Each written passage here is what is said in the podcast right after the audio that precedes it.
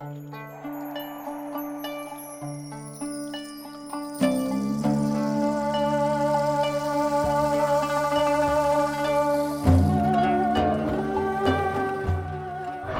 الصراط المستقيم. صراط الذين أنعمت عليهم غير المغضوب عليهم ولا الضالين. آمين. اللهم أحسن عاقبتنا في الأمور كلها وأجرنا من خزي الدنيا وعذاب الآخرة.